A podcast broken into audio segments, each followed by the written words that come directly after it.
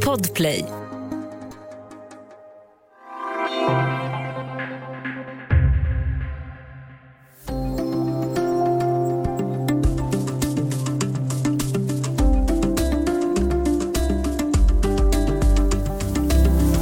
Situationen i Tigray i norra Etiopien blir allt värre. Hårda strider rasar mellan rebellerna i regionen och regeringsstyrkorna och det råder ett intensivt propagandakrig. Under det senaste året har uppskattningsvis över 100 000 människor dött. Vart är den här konflikten på väg? Välkommen till Studio DN. Jag heter Sanna Thorén Björling.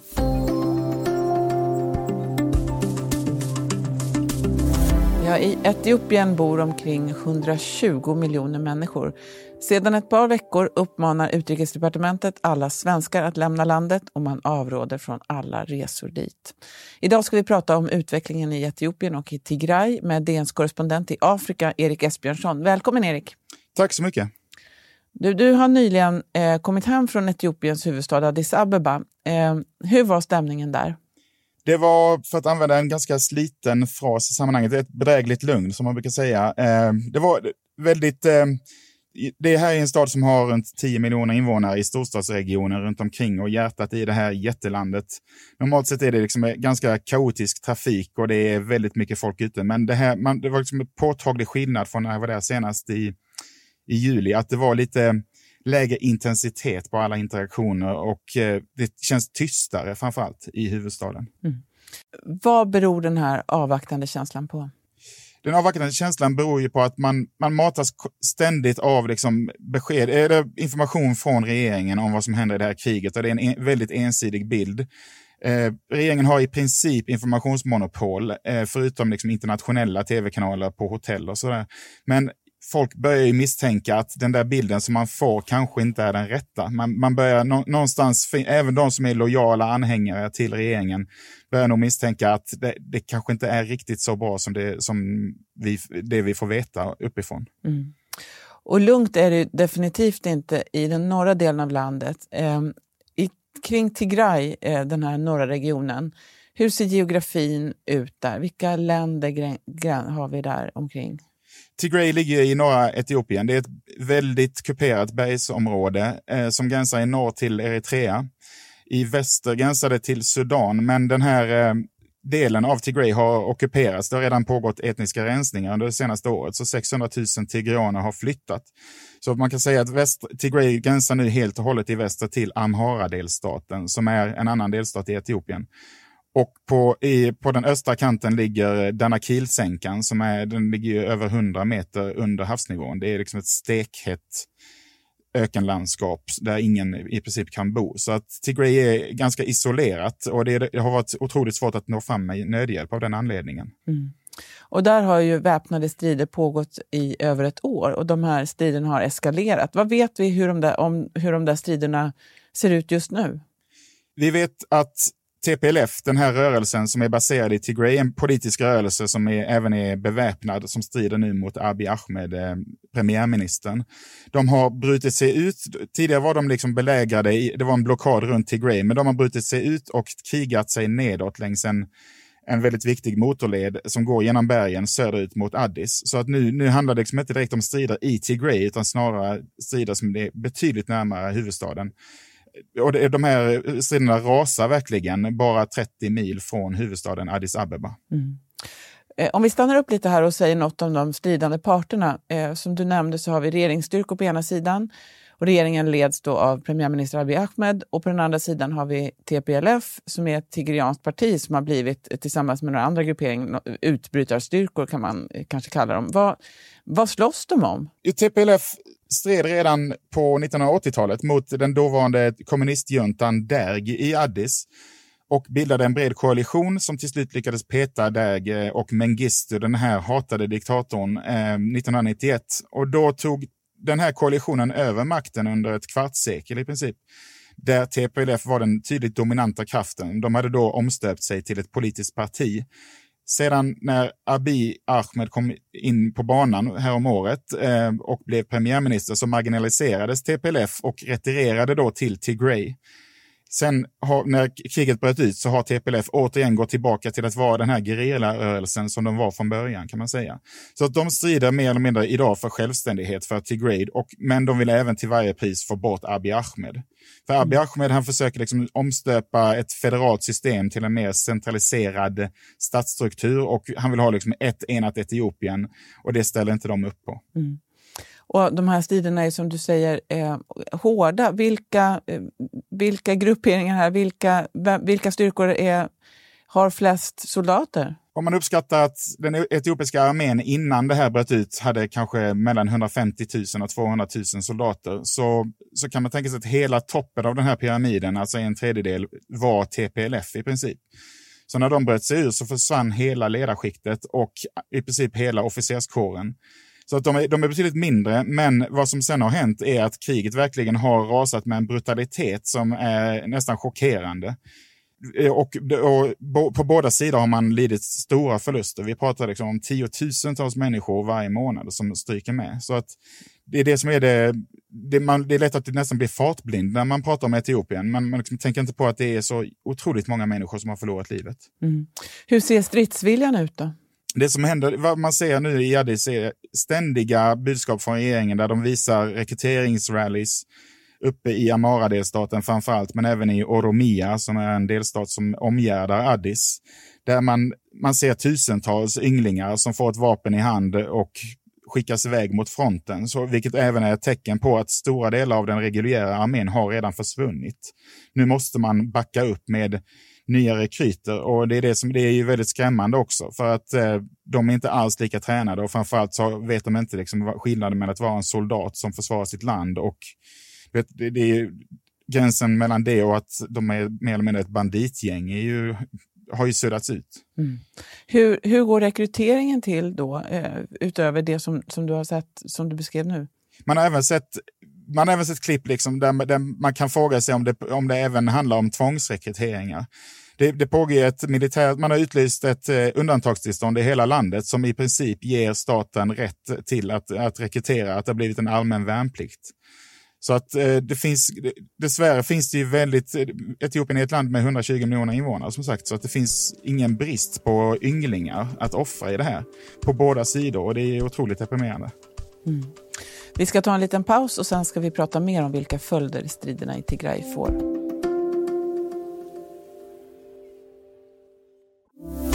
Studio DN idag. Vi pratar med Erik Esbjörnsson som är Dagens Nyheters korrespondent i Afrika.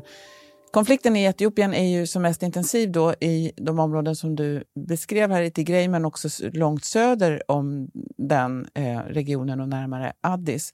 Men tigreaner över hela landet märker jag av en hårdnande attityd. Ehm, på vilket sätt då? Det finns tigrianer i Tigray så uppskattas de väl vara mellan 6 och 7 miljoner, men det finns hundratusentals till exempel i Addis och de är utspridda. Folk har ju flyttat över landet. Ehm, det som händer när man börjar rekrytera civila är att varje civil blir en potentiell soldat och därmed så blir även civilpersoner ett framtida potentiellt hot. Och Det är det som är det skrämmande, att redan i fjol, så det första som hände när kriget bröt ut var att tigrianer i tusentals förlorade sina jobb. De som var på särskilda känsliga positioner fängslades. Sen har de här fängslandena pågått i princip under hela året, men de har tilltagit kraftigt i styrka under de senaste veckorna det, det, här undantagstillståndet innebar att man kunde i princip arrestera människor bara på misstanke om indirekt moraliskt stöd till fienden. Det är en otroligt lös anklagelse och de kan fängslas i sex månader utan domstolsbeslut. Mm. Så att det, det är otroligt pressat läge för tigrianerna i Addis. Men hur, hur, du har stor erfarenhet av Afrika. Hur, hur skulle du tolka eh, det här som händer nu? Vad är liksom nästa steg? Vilka varningsklockor ringer här? Alltså det ringer väldigt många varningsklockor. När man ser en kollapsande armé inför en mer disciplinerad rebellgrupp som kommer liksom närmare huvudstaden och man har börjat redan fängsla de här personerna. Borgmästaren har uppmanat alla eh, alla fastighetsägare måste göra listor med identiteter på de som bor i respektive byggnader. De här grupperna som har bildats för att försvara enskilda kvarter i Addis mot eventuella angrepp, de har börjat assistera polisen i att leta upp fientliga mål, det vill säga tigrianer.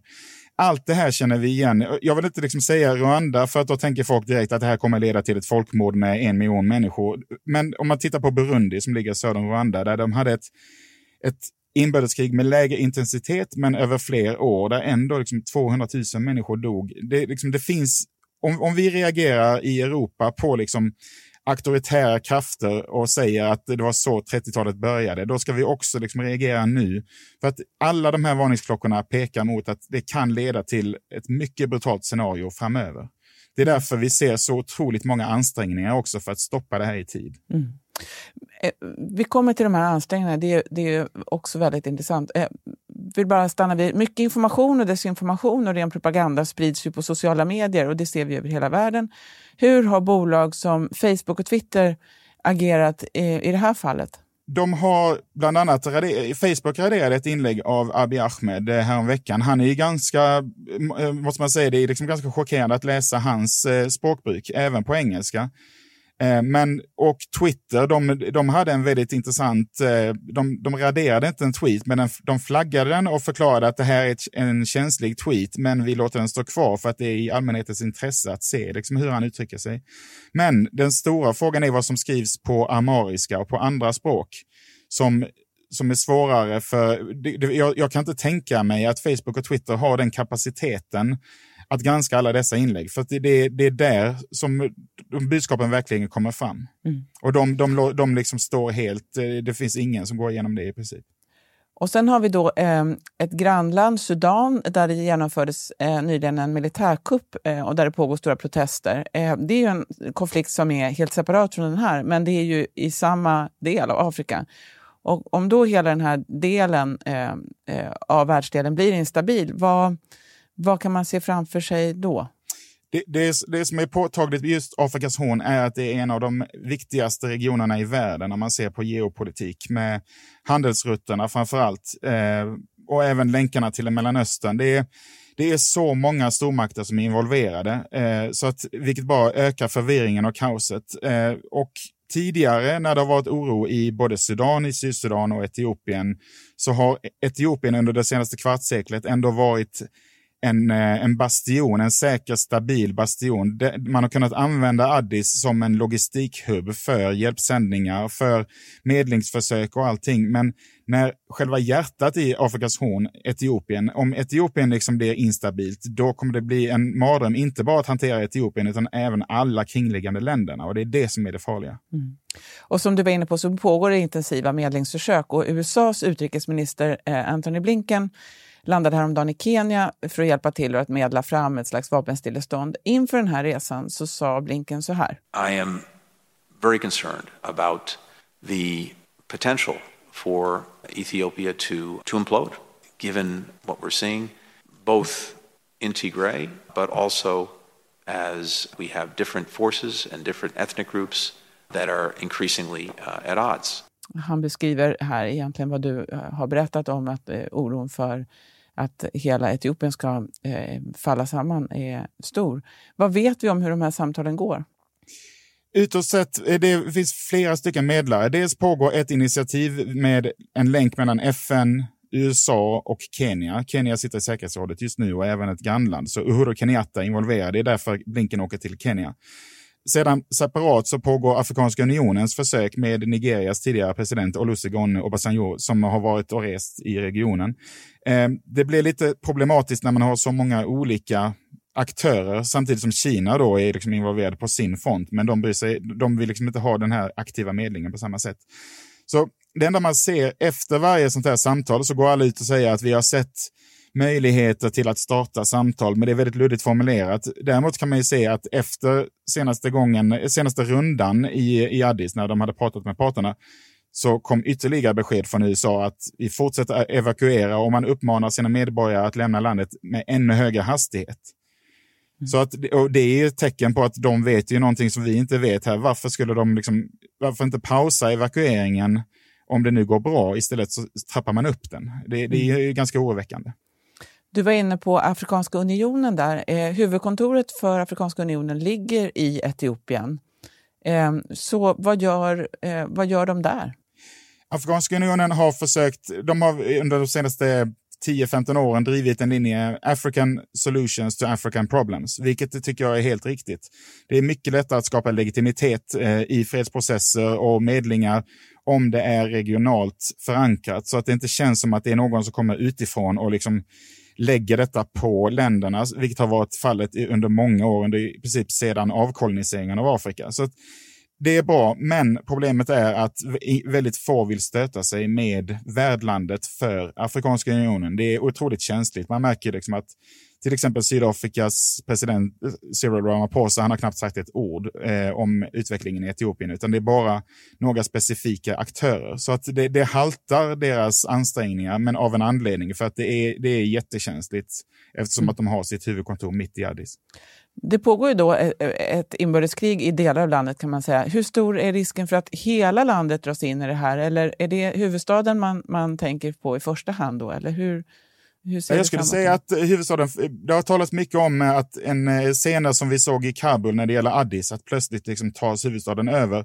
Jag tror inte att TPLF, de, jag tror inte de är intresserade av att igen styra Addis. Det är inte det de vill åt, men de vill ha bort Abiy. Och de vill ha sin självständighet, tror jag, eller åtminstone en ännu lösare federation. Men det är som Anthony Blinken sa, att det är en implosion som hotar. Det är mycket möjligt att det här landet bryts upp som Jugoslavien på 90-talet. För Etiopien, utåt sett så ser Etiopien alltid ut att vara liksom det här starka landet som, som har en stark egen identitet. De blev aldrig koloniserade, men i själva verket så finns det en dynamik i landet som är otroligt komplex. Och det är framförallt då Amhara-grupperingen och Oromo, den, den här länken, om den bryts så kan det bli otroligt kaotiskt. Eh, och jag ser liksom inte riktigt en väg framåt utan antingen en väldigt lös federation eller att landet bryts upp. Mm. Ett enat Etiopien ser allt mer osannolikt ut. Och det, det, frågan är då hur kaotiskt blir ett sånt här uppbrott? Mm. Vi har pratat om eh, soldater och de här striderna, och soldater och sådana som är potentiella soldater som ju är en del av civilbefolkningen. Hur är det för den övriga civilbefolkningen?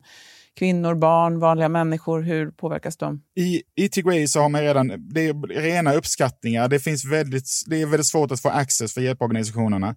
Men de säger att i princip hela delstatens invånare är i akut behov av nödhjälp. Och man uppskattar att 400 till 500 000 personer befinner sig i ett svältläge. Man ska komma ihåg att det här inte bara är i, i Tigray. För att när, när strider, strider rasar så kan civilbefolkningen inte vara ute på fälten. Man kan inte bruka man kan inte, marken, man kan inte gå till sjukhusen. Det finns ingen elektricitet. Så att även utanför Tigray så börjar liksom den civila bördan bli tyngre och tyngre. Och, och man, man, pratar ju även, liksom, du vet när vi pratar om covid och sådär, att den indirekta dödligheten, kanske inte specifikt i en sjukdom, utan liksom den orsakar större dödlighet. Så är det precis, det är samma sak med ett krig. Att det, ju längre, tid, ju, ju längre kriget pågår, desto värre blir det långsiktigt även för de civila. Mm. Så det är en otroligt eh, allvarlig humanitär situation. Sen ska vi, har vi inte ens gått in på liksom, rapporter om våldtäkter och på väldigt stor skala som har utförts av båda sidor. För det är också det som händer när de här miliserna kommer in, när det inte är tränade soldater utan illa tränade miliser med vapen som kommer in i byar och de möter sina dödsfiender. Så då ökar det sexuella våldet och det är, det är bara liksom, det svindlande att tänka på hur många som har drabbats. Vi mm. pratar om tusentals kvinnor. Det har varit väldigt svårt för hjälporganisationer att komma in. Kommer man alls nära? Inte i nuläget. I nuläget är det väldigt svårt och det är ett av det är, liksom en av eh, stridspunkterna man strider om, att, att släppa in hjälporganisationer Regeringen de hävdar att under 80-talets inbördeskrig så fick TPLF hjälp indirekt via hjälpsändningar och nu använder man det som argument för att inte släppa in de här konvojerna. Så att det, det, det är jättesvårt att, att, få tillträde för de här hjälporganisationerna. Mm. Så avslutningsvis då, Erik, vad kommer du själv att hålla ögonen på under de närmsta veckorna? Vad, vad följer du närmast? Det finns två militära punkter som är intressanta. Det är en stad som heter Mille eh, som ligger på den, I princip, det, det är märkligt det här med Etiopien att trots att eh, landet saknar egen kustlinje så att man är helt beroende av transporterna till Djibouti.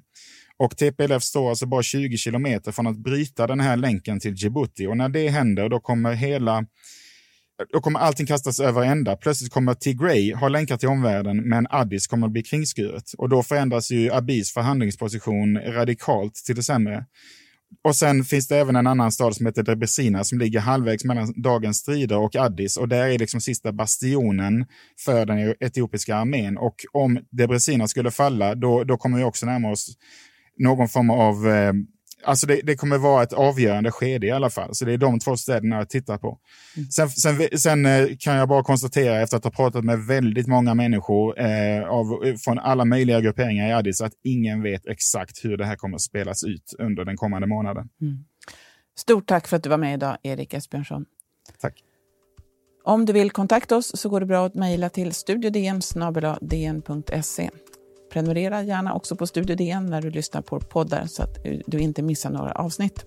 Studio DN görs för Podplay av producent Palmira Kåkarimenga, ljudtekniker Patrik Miesenberger, teknik Oliver Bergman, Bauer Media. Jag heter Sanna Thorén Björling.